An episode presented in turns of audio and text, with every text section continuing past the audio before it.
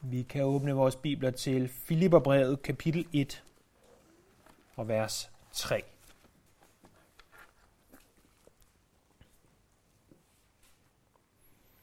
Her skriver Paulus.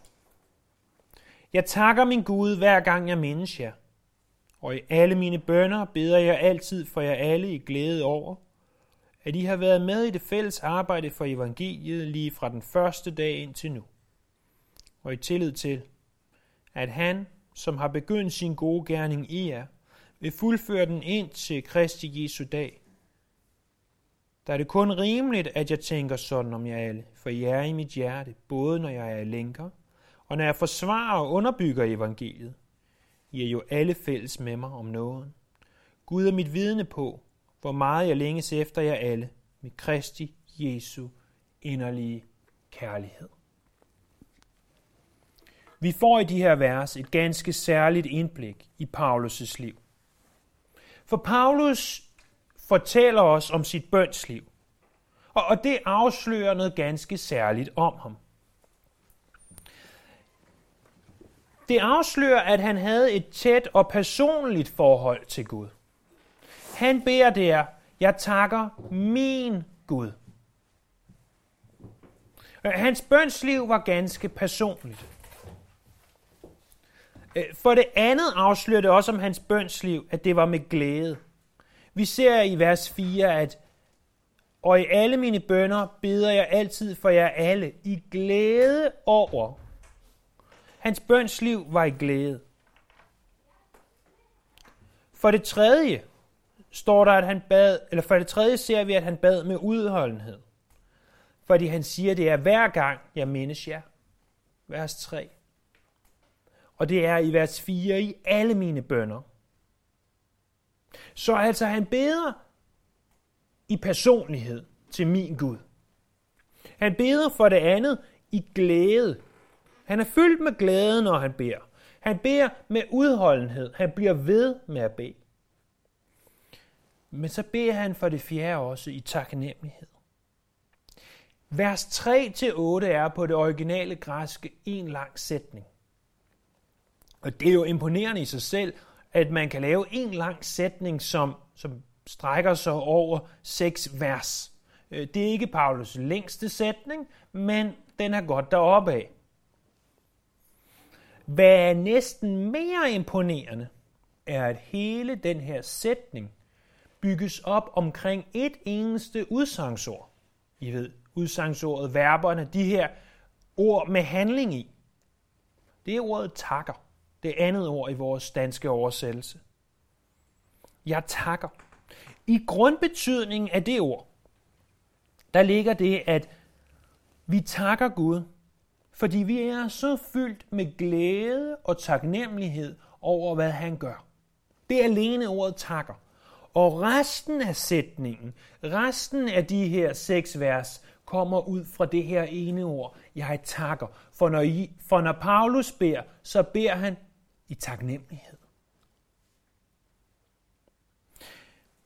Når han beder i taknemmelighed, så ser vi også, at Paulus er taknemmelig først og fremmest for det åndelige frem for det fysiske.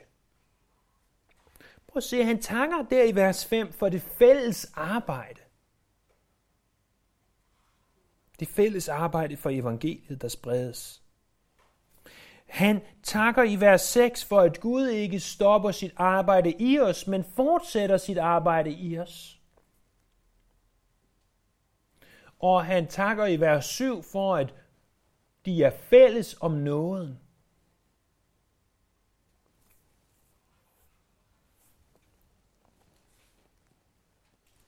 De fleste af Paulus' bønder var mere åndelige, end de var fysiske.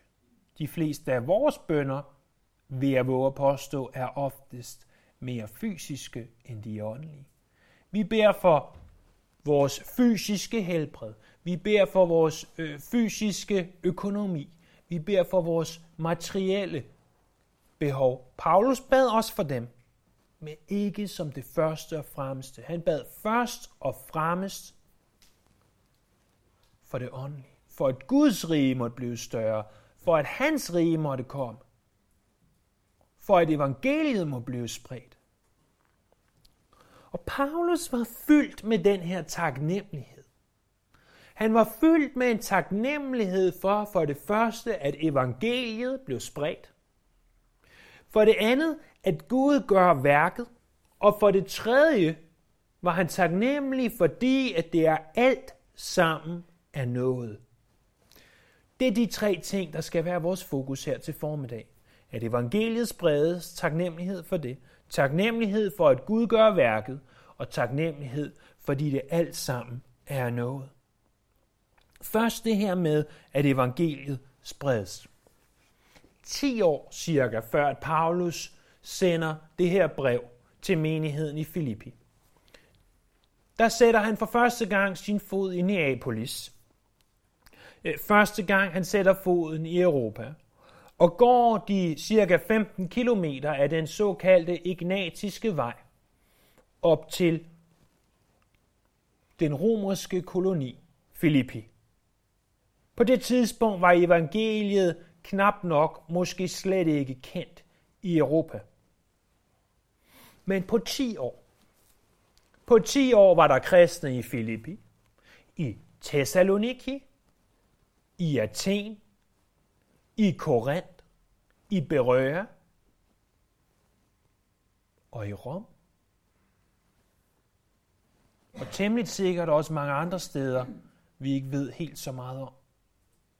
På 10 år havde Gud gjort et vidunderligt værk.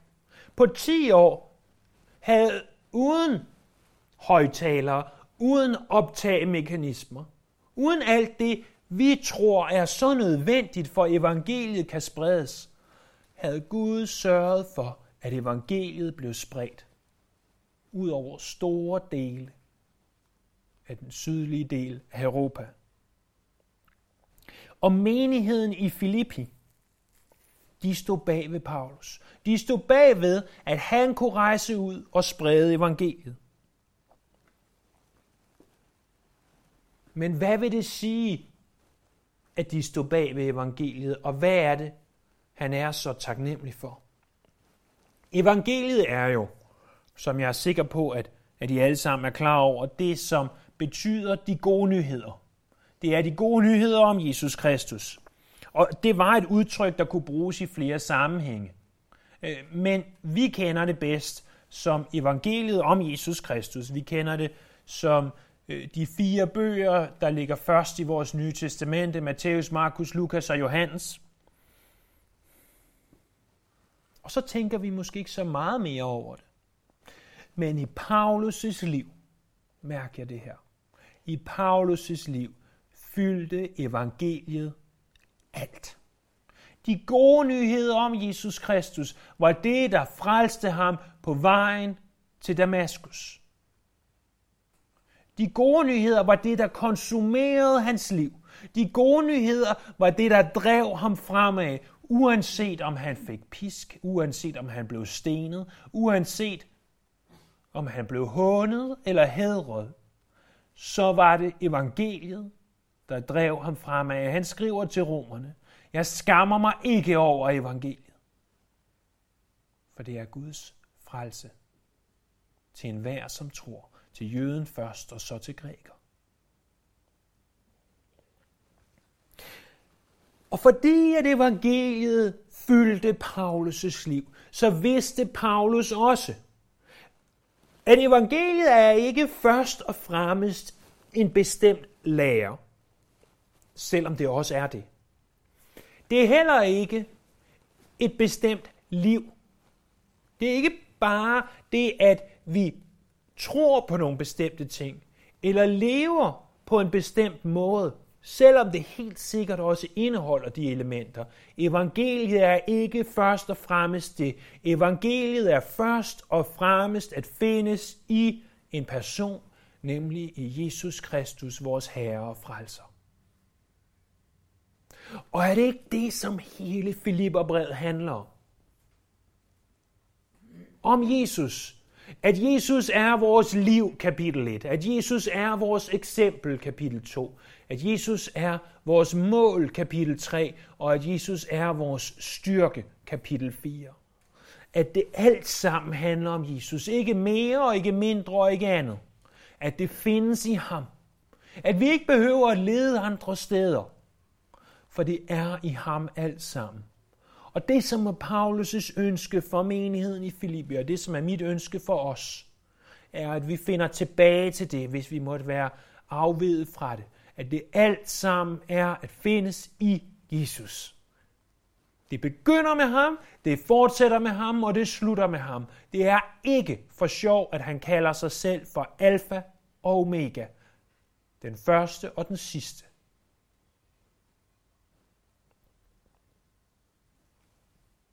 Det var det, de stod bag. At mennesker ikke længere behøver fortsætte i deres synd, men at der er frelse i Jesus, ved troen på ham, ved korset, ved opstandelsen. Men det, som, som han er så taknemmelig for, det er, at hver gang jeg mindes jer i alle mine bønder, beder jeg altid for jer alle i glæde over, at I har været med i det fælles arbejde for evangeliet lige fra den første dag og indtil nu.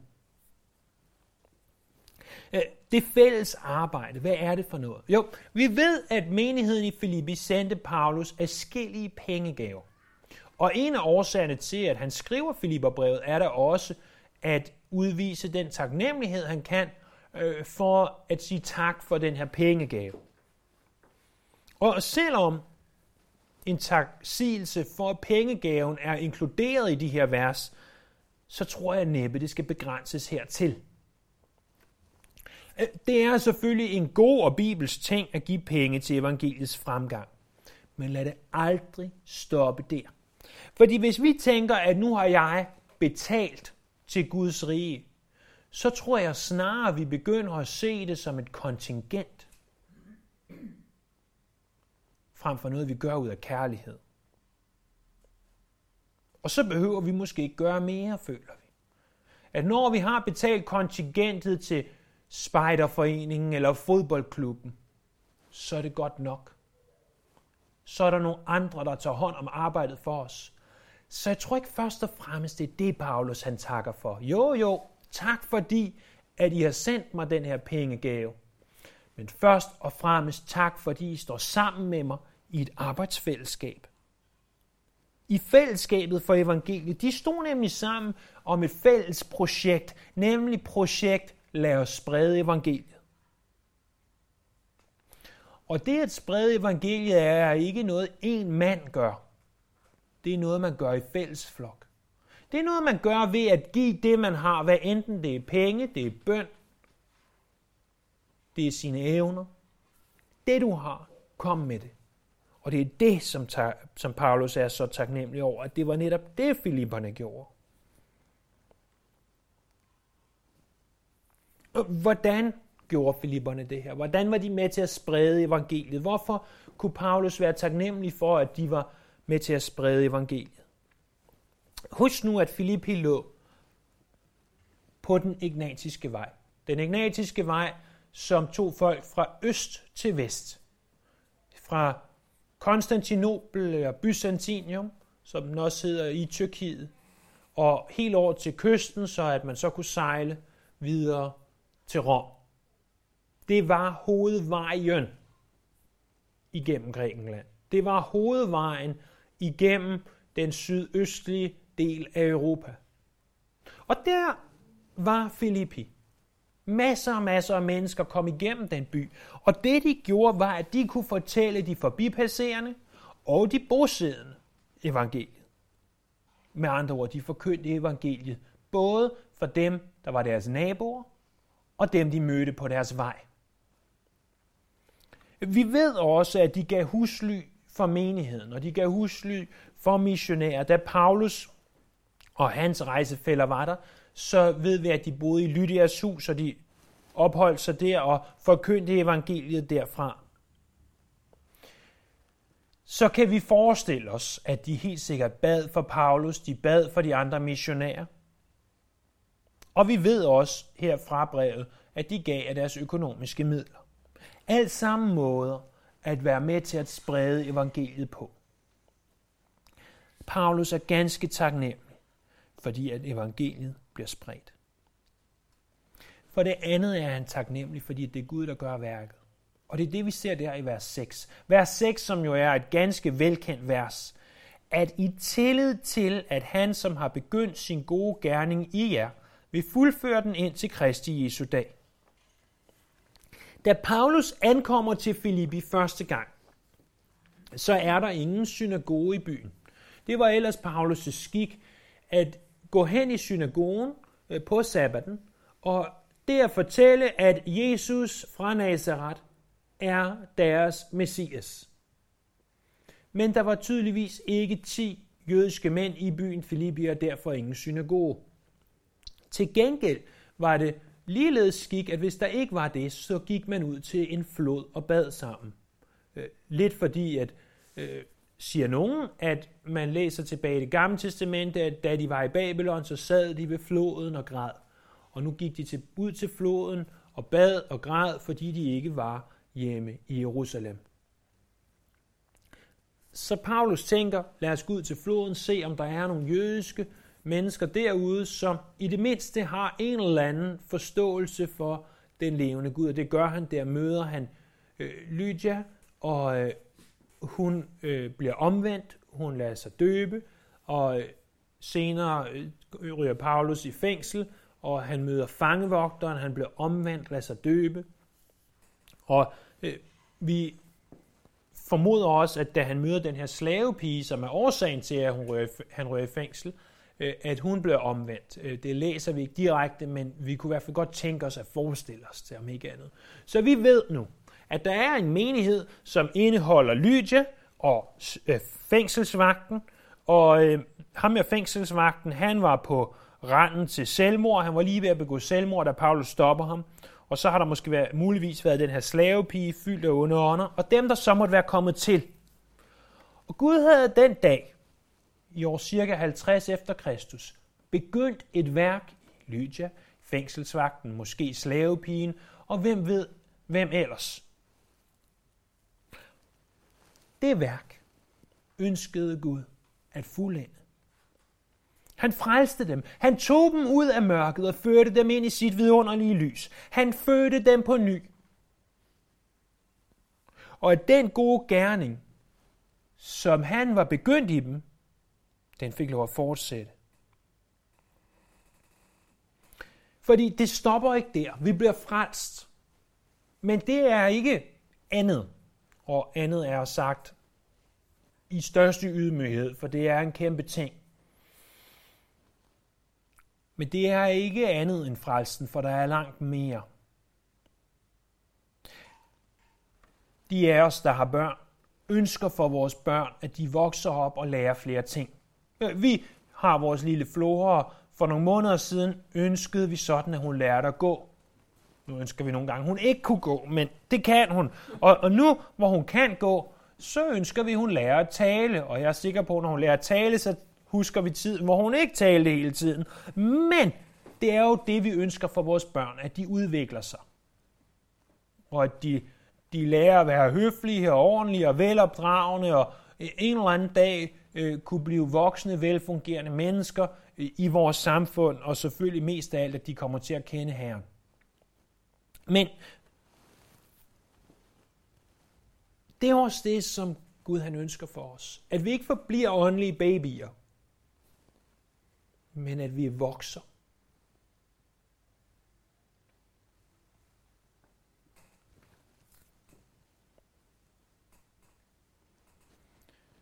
Guy Duffield, en pastor i Kalifornien, fortalte for mange år siden historien om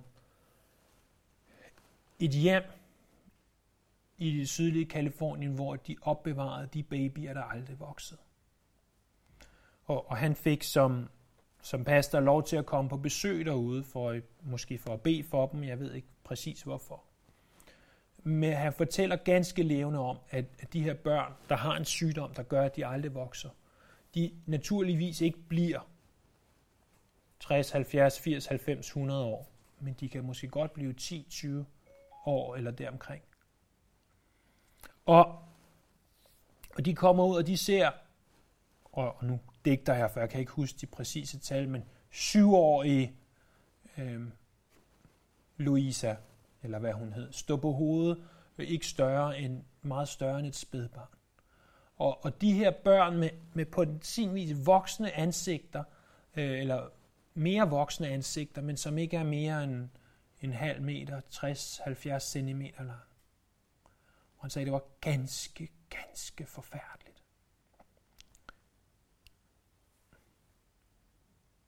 Men sagde også, at det, der er langt værre, det er, når Guds børn opfører sig sådan. Når det sker for Guds børn, at de ikke vokser. Når de forbliver der, hvor de engang var. Når de ikke udvikler sig. Fordi det, som Gud ønsker for os, det er noget ganske, ganske radikalt.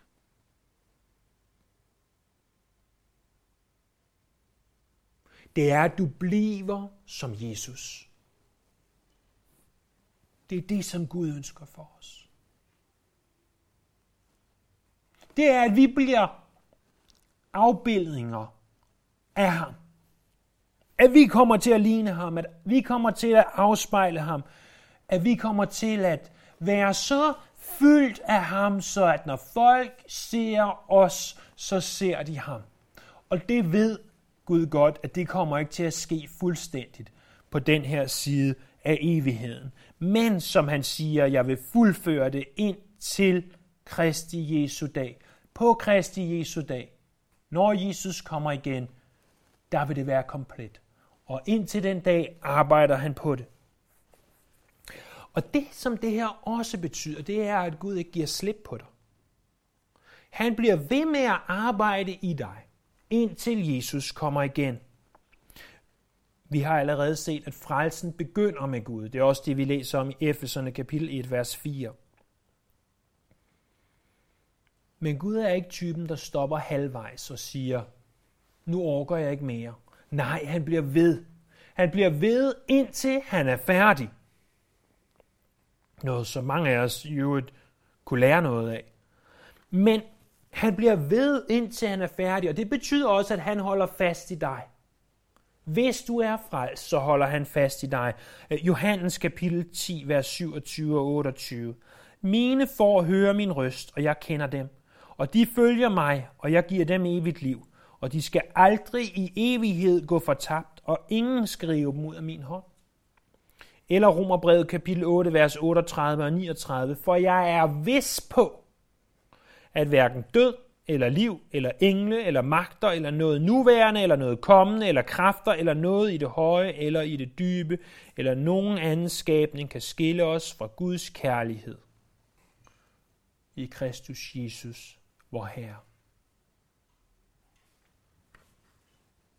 Ingen skabning kan skille os fra Guds kærlighed. Det inkluderer dig selv. Du kan ikke skille dig fra Guds kærlighed. Men når vi så ser på os selv, og ser ind imellem, hvor, hvor meget vi alligevel synder, hvor, tænker jeg ofte om mig selv, hvor forfærdelig og dårlig en kristen jeg er. Og endnu mere, når jeg ser på jer, tænker, hvor endnu mere forfærdelige I er. I ved, det er det her med splinten i sin brors øje og bjælken i sin eget. Men, men det er jo sådan, vi ofte tænker, hvor godt jeg ikke er som ham eller hende. så bliver man jo lidt mismodig og tænker, åh nej. Åh nej, hvad skal der ske? Hvad skal der ske med mig? Hvad skal der ske med kirken? Ikke bare den her kirke, men kirken generelt. Åh, oh, det kommer aldrig til at gå. Og vi må aldrig, aldrig underestimere synd. Vi må aldrig underestimere, at Gud ønsker, at vi skal leve hellige liv. Men det, at vi bliver mismodige, det er, at, undskyld mig, ingen af os er gode nok. Det må aldrig, aldrig overskygge det vidunderlige, at Gud holder fast i os, at en dag skal vi blive som ham. At en dag skal vi være fuldkommende. En dag skal vi nå til målet. Hold det for høje, venner. når du bliver mismodig, når du tænker, at verden er et forfærdeligt sted. Når du tænker over, hvad skal jeg dog gøre, hvad skal jeg dog stille op, så hold målet for øje. For vi er der før, end du aner. Er det ikke i sandhed noget at være taknemmelig for? Ligesom at Paulus var taknemmelig for, at det er Gud, der gør værket. Så Paulus var taknemmelig for, at evangeliet blev spredt, for det første. For det andet var han taknemmelig for, at det er Gud, der gør værket. For det tredje og sidste i det her afsnit er han taknemmelig for, at det er af noget. Det er det, vi ser i vers 7. Det er kun rimeligt, at jeg tænker sådan om jer alle. For jeg er i mit hjerte, både når jeg er lænker, Paulus sad i et romers fængsel, og når jeg forsvarer og underbygger evangeliet. I er jo alle fælles med mig om noget. Uanset hvad Paulus' forhold var, om det var i lænker, i et romersk fængsel, eller i romersk husarrest, om du vil, lænket til en romersk soldat. Noget, som jeg tror ingen missionær øh, som udgangspunkt tænker. En missionær er jo netop en, der drager ud og forkynder evangeliet. Så når du sidder der i husarrest med en stor lænke øh, om dit ben, øh, så det her med at drage ud er, er knap så nemt, som det engang var. Eller siger han, når jeg er ude, når jeg står på markedspladsen og forsvarer og underbygger evangeliet, når jeg er der i synagogen, og jøderne prøver at argumentere over for mig, og jeg så viser dem fra skrifterne, at Jesus er Messias, og man kan kun forestille sig, at, at der var Paulus virkelig i sit es. Uanset hvilken en af situationerne jeg er i, siger han, så I fælles med mig om noget. Fordi det er ikke, hvad jeg gør. Det er ikke, om jeg sidder i fængsel, eller om jeg er ude og forkynder at underbygge evangeliet. Det handler ikke om mig. Tak Gud for nåden. Tak Gud for, at han er en nådig Gud. Vi så på det her ord noget i vers 2.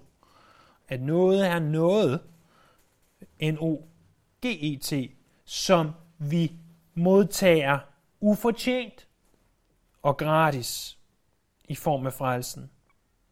Men nåden har også sin oprindelse i ham, i Gud. Og vi bliver nødt til at acceptere, at det er ham, der gør værket.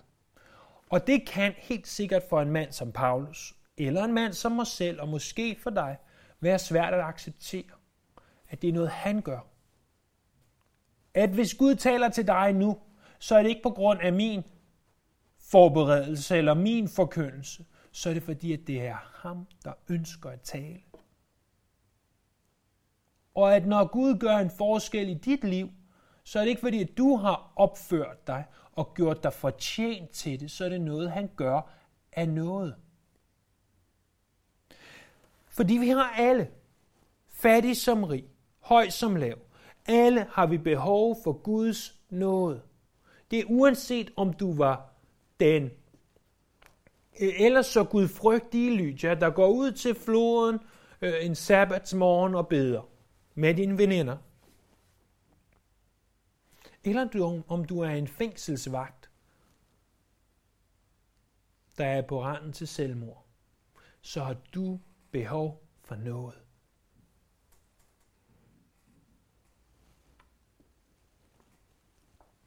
Og det er de tre ting, Paulus er så taknemmelig for.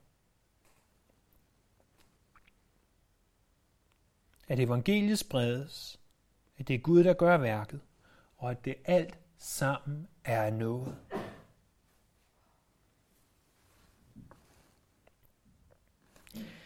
Et par ting, et par pointer, som vi kan tage med os fra den her bøn, som i øvrigt ikke er slut endnu, men fortsætter i vers 9, 10 og 11 det er, lad os for det første tænke over, hvad vi beder for. Det er helt okay at bede for det materielle. Det er helt okay at bede for det fysiske. Men lad os først og fremmest bede for det åndelige. Og det kan godt være sværere, end vi tror. Og hvis du ligesom mig nogle gange kan have, have svært ved at finde på, hvad du skal bede for, som ikke bare er øh, bevare min familie og pas på og gør sådan og sådan, så, så hørte jeg en, en ganske god huskeregel til, hvordan vi kan udvide vores bønsliv. Øh, det var en, en sygeplejerske, der oprindeligt øh, sagde det her til en eller anden mand, som sagde det til en eller anden mand, der nedskrev det i en eller anden bog. Det er sådan set ligegyldigt. Huskereglen er følgende, at når du beder, så brug din hånd som din huskeregel. Den bliver forhåbentlig ikke væk for de fleste af os. Øh, og, og bed efter fingrene. Hun sagde sygeplejersken, først så beder jeg for tommelfingeren. Det er dem, der er tættest på mig. Det kunne være min familie, min menighed osv. Først beder jeg for dem. Dernæst, siger hun, så beder jeg for pegefingeren. Øh, når nogen peger til noget, så er det fordi, de vil vise mig noget. Så er det fordi, de vil lære mig noget. For det andet, siger hun, så beder jeg for mine lærere. Jeg tror ikke kun min universitetslærere, men mere lærere i troen. For det tredje, så er der vores lange finger. Det er den længste, det er den højeste finger. Der beder jeg for alle i magtfulde positioner. Alle dem, jeg kan komme i tanke om, siger hun. Øh, så siger hun for det fjerde, så beder jeg øh, i forhold til ringefingeren, som er den svageste af vores øh, fire og fem fingre, har vi vist de fleste af os, øh, som er den svageste af vores fingre. Der beder jeg for alle, der er svage og syge. Til sidst, sagde hun, så beder jeg i forhold til lillefingeren, for den mindste og mest ubetydelige af fingrene, nemlig mig selv. Og jeg tænker, at det er en ganske god måde at sørge for at komme hele vejen rundt, inden vi begynder at bede for os selv. For det er klart, at når vi beder for andre og vores lærere og alle i magtfulde positioner og dem, der er svage og syge, så vil en stor del af den bøn hurtigt blive for evangeliet frem for det materielle. Jeg har ikke sagt, det er forkert at bede for det materielle, men omprioritere måske en smule. Øh, det er det første. Lad os tænke over, hvad vi beder for. For det andet, lad os være med til at sprede evangeliet. Jeg ved ikke, hvordan du ønsker at være med til at sprede evangeliet, men vi hører nogle forskellige muligheder. Fortæl de forbipasserende, fortæl de bosiddende. Giv dem husly, penge der, hvor penge er nødvendigt, og bed for dem. Det er måder at være med til at sprede evangeliet.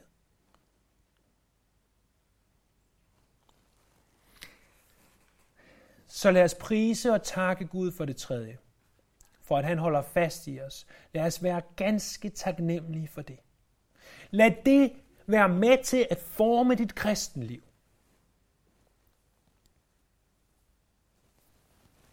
At han holder fast i dig at når det hele er lidt surt og, og lidt bittert, og det er det heldigvis ikke altid, der er også ofte, at det er dejligt og vidunderligt, men når det bliver åh, lidt tungt, så se hen imod målet. Og for det fjerde og sidste, så forsøg aldrig at tilføje noget til frelsen. Du må vide, at det alt sammen er noget både din frelse og dit liv med ham.